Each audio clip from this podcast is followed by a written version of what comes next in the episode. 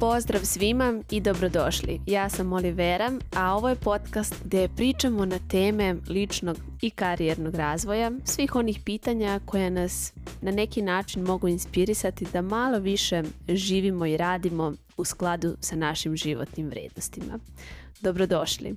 Današnja tema je dosta nežna, a možda čak pomalo i nezahvalna o njoj pričati, a to je kako da negujemo veru u sebe i voljela bih da postoji neki univerzalni odgovor, ali svi znamo da ne postoji i voljela bih da ono što radi za mene radi i za druge, ali um, to ne mora da znači da hoće, jer je toliko faktora koji utiču na to da se vinemo do visina te svoje želje, od okruženja, životne situacije, prosto stanja u kome se nalazimo, kako fizički, tako i psihički. Tako da taj neki univerzalni odgovor ne postoji, ali evo ovde ću da podelim neke svoje uvide i načine kako ja gledam na tu veru i kako je ja kultivišem u svom životu. Pa pre svega ja verujem da kad mi neka želja dođe, da je ona došla zato što mogu da je ostvarim. I ovo možda zvuči arogantno, ali sad ću da objasnim. Iako u nekom trenutku imam otpor i ne verujem u potpunosti u svoje mogućnosti, ja ipak nekako verujem da to što je ona došla biram u stvari, da vidim kao znak ne da treba da je se odreknem, jer ne verujem da je ona moguća, nego kao znak da se pozabavim tim delom sebe koji u nju ne veruje. Taj deo mene koji ne veruje nije moj autentični glas. To je onaj deo koji je naučio živeći i radeći u određenim kalupima, sistemima, prosto šta je moguće, šta je logično, šta je realno, šta treba da radim, šta treba da postižem. I pogotovo sad kad sam postala mama i kada imam dete, jasan mi je taj put kako mi iskonstruišemo svet u našoj glavi i sva ta pravila kako svet funkcioniše ali taj deo nas koji je poželeo tu želju je, hajde da kažem, neuklopljeni deo nas. On je kao pukotina kroz koju viri ona jedna mrvica svetlosti i upravo taj deo nas je upravo to što on radi. On bukvalno neguje veru za naš ceo sistem. Nežno, uporno, suptilno. Taj deo nas zna da je to moguće i on je u kontaktu sa tom nekom novom verzijom sebe. Taj deo nas bukvalno vidi tu želju kao realnost, isto kao što onaj deo nas koji je, koji je vođen nekim eksternim glasovima, koji misli da je to absurdno i nemoguće. I sad je na nama da izaberemo koji ćemo glas da poslušamo i koji ćemo glas da jačamo. Zato je jedan od možda najtežih koraka dati šansu tom zraku koji prolazi kroz tu pukotinu, ma koliko tanan da je taj glas, ma koliko da on deluje da je onako na izdahu, da su u njemu mrvice života, to je samo varka. Ne treba da bežimo od tog glasa, ne treba da ga zataškavamo, jer to je ono što mi uglavnom radimo. Mi zatrpavamo sebe obavezama, realnim aktivnostima koje je jedan čovek ima svakodnevnici. Ko sam ja da tako nešto želim? Idem bre da radim, da kuvam, da raspremam. To su obično misli koje nam čak na neki način daju osjećaj krivice što dagubimo misleći nešto što je nedostižno.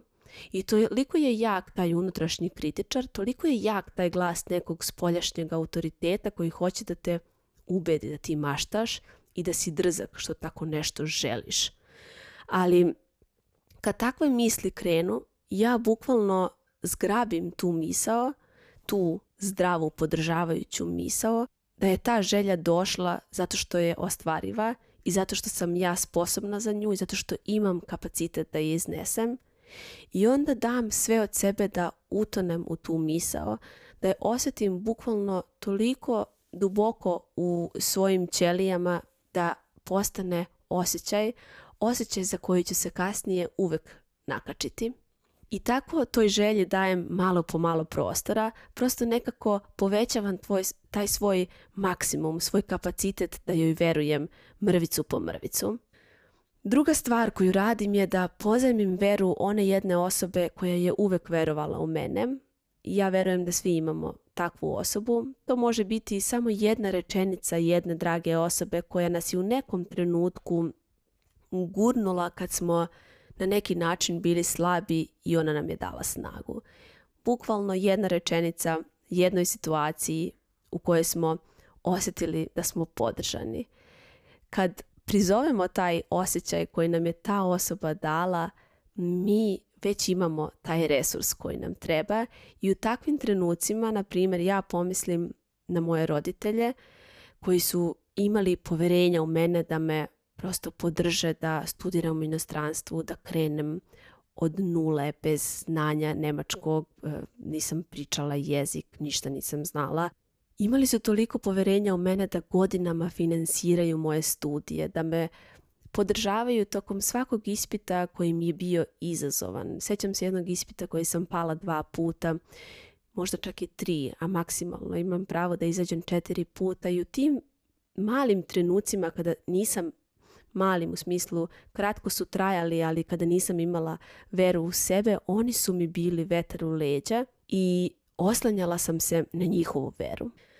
I to i dalje radim e, i dan danas kad me želja e, prestraši, a istovremeno me i uzbudi. Kad osetim da je moja, a sa druge strane mislim Bog te kako je to ludo i nedostižno, ja pozajmim njihovu veru u sebe i setim se ako su oni mogli toliko da veruju u mene tada, pa onda mogu ja da verujem sada u sebe to nije uvek lako, u smislu da je kratkoročno mnogo lakše e, reći ma gde, pusti to, pobeći od toga, e, otići baviti se nekim svakodnevnim aktivnostima, ali dugoročno je mnogo teže ostati i živeti neke ciljeve koje smo manje više svi ispunili, jer svi do nekog trenutka ostvarujemo ono što je ustaljeno kao norma, prosto završiti faks, zaposliti se, udati se, oženiti, kupiti stan, auto i tako dalje.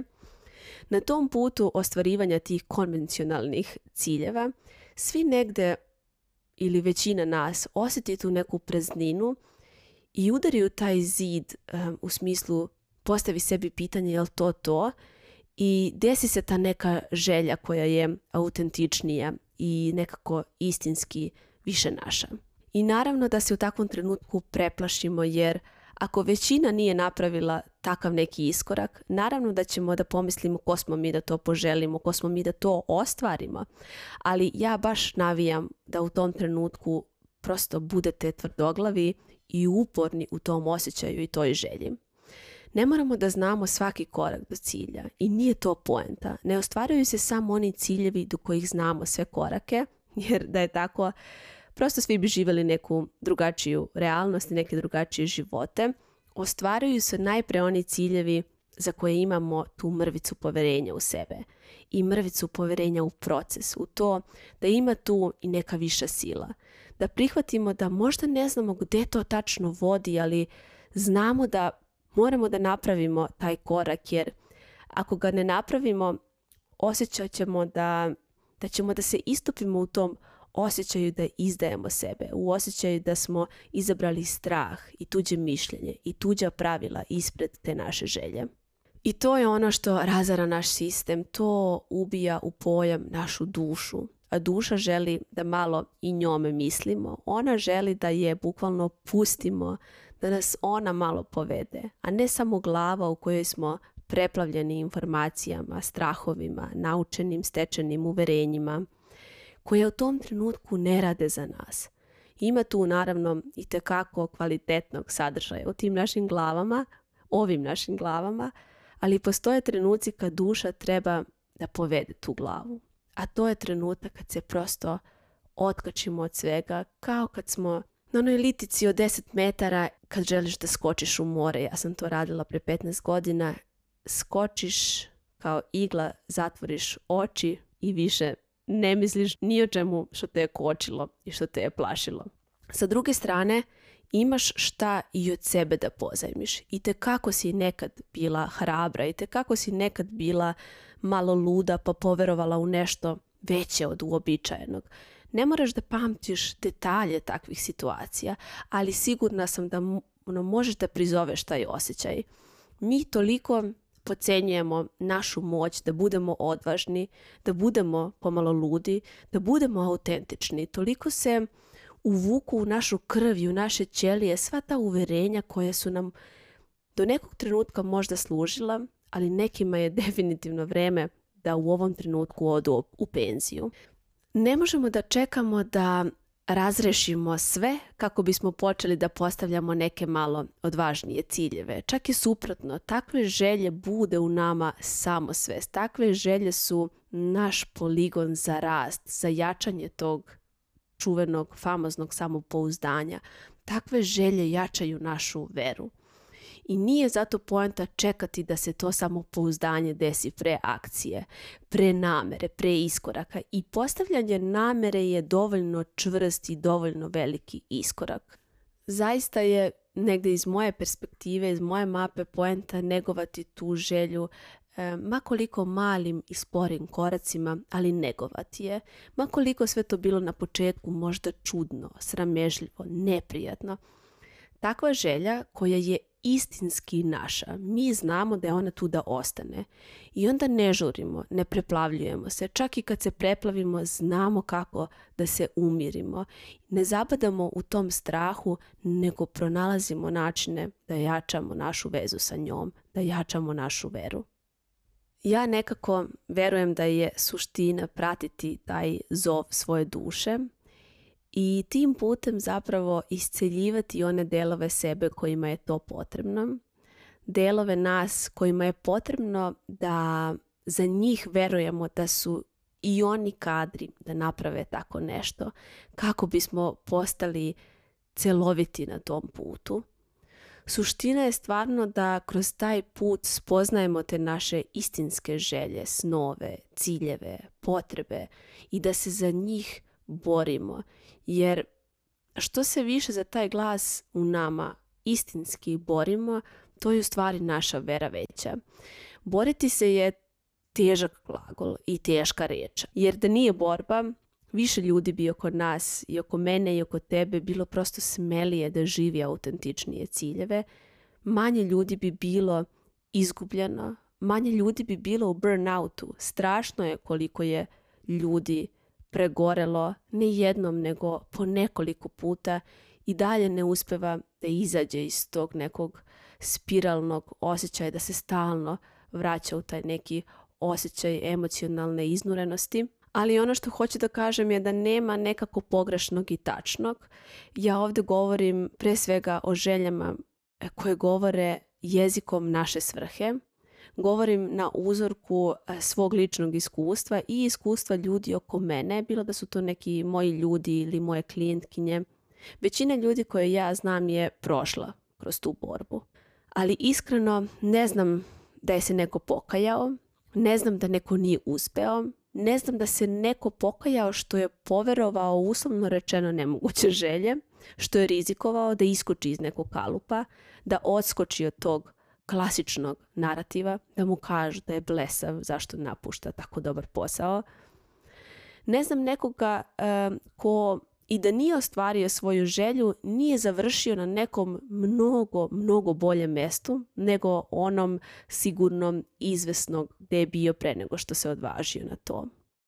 E zato je zadatak pre jasnog cilja da negujemo tu veru, da se povezujemo sa sobom, Zato je naš zadatak da tom delu sebe dajemo pažnju, da budemo bukvalno sami sebi accountability partner. Zato je moć coachinga tako moćna i ja zato radim ovo što radim, jer je taj osjećaj da si nekome podrška dok on dolazi do svojih autentičnih odgovora brutalan, brutalno moćan. Nije poenta da nam neko kaže sve odgovore, ko uopšte može da zna naše odgovore. To je sve nekako iskonstruisano u našoj glavi na neki sulud način, jer to je opet oslanjanje na neki eksterni autoritet. Poenta je da ti neko drugi ponudi neku drugu perspektivu, da ti isprovocira misli, da se preispitaš da bi se što efikasnije povezao sa sobom i pripremio za taj korak. Nekad se čini mi se previše bavimo formom samog cilja. Bavimo se strategijom kako da dođemo do nečega.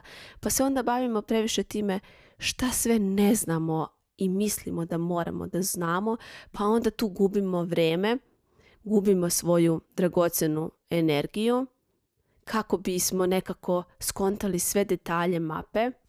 A zapravo je sve što na početku treba da radimo, da negujemo tu veru u sebe i Da, ona se i tekako neguje akcijom, ali sama akcija, ako dolazi iz te neverujuće energije, onda ćemo mnogo lako odustati i mnogo ćemo morati da radimo na mišiće.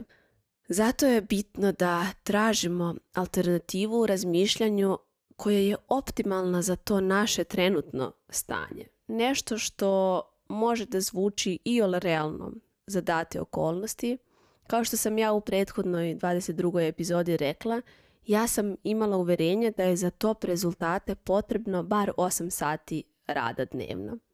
Ali sam negovala tu prosto otvorenost da spoznam da je moguće drugačije i sa tim sam se stavom pojavljivala u svojim akcijama. Ono što mi je jednako važno da kažem je da ono što se dešava kad nemamo jaku veru jeste da tražimo rešenja u edukacijama, kursevima. Nadamo se nekom odgovoru koji dolazi od nekoga, iz nečega, da će nešto da nas u tom trenutku prosto iščupa iz te situacije, da će da se nesi, desi neki aha trenutak um, koji će da bude prelomna tačka za nas, ali pre svega iz svog iskustva, to je pa jedan od možda najdestruktivnijih poteza jer se na taj način još više udaljavamo od tog našeg unutrašnjeg izvora jer rijetko ko um, od nas nakon kursa kaže e sad sam spremna, sad znam kako. Ne. Znaš kako onda kad si to napravila. Znaš kako onda kad si na istoj talasnoj dužini sa svojom željom i kad je biraš tako što joj se posvetiš, ne kroz informacije, već kroz negovanje, kroz nameru i kroz akciju. Na edukacijama se uglavnom oslanjamo na taj neki quick fix. Izžudimo da pokupimo još neku informaciju. Mora da postoji još nešto što nismo čuli, što ne znamo, a krucijalno je. Postoji, a to je da počneš malo više da misliš svojom dušom. Ja nisam imala samopouzdanja da počnem da radim u IT-u jer nisam ništa znala o online paymentu u tom trenutku. Znači tehničke veštine nula.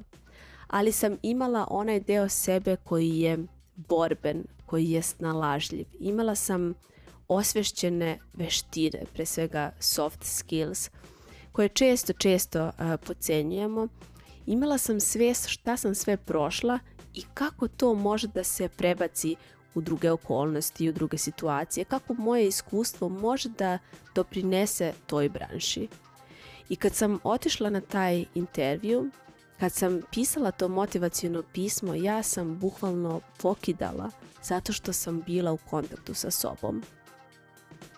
Tako da, vera u sebe je psihološki kapital i korak koji treba da negujemo pre svih koraka, ali i tokom svakog narednog koraka. Toliko od mene u ovoj epizodi. Od srca se nadam da će vam ova epizoda služiti. Vera je emocija koja može da nadomesti mnoge druge faktore ukoliko nam manjkaju, ali mislim da nijedan faktor ne može da zameni njenu moć. Benjamin Franklin je rekao da bi se videlo verom, mora se zatvoriti oko razuma. Ostavljam vas sa tim citatom do naredne epizode.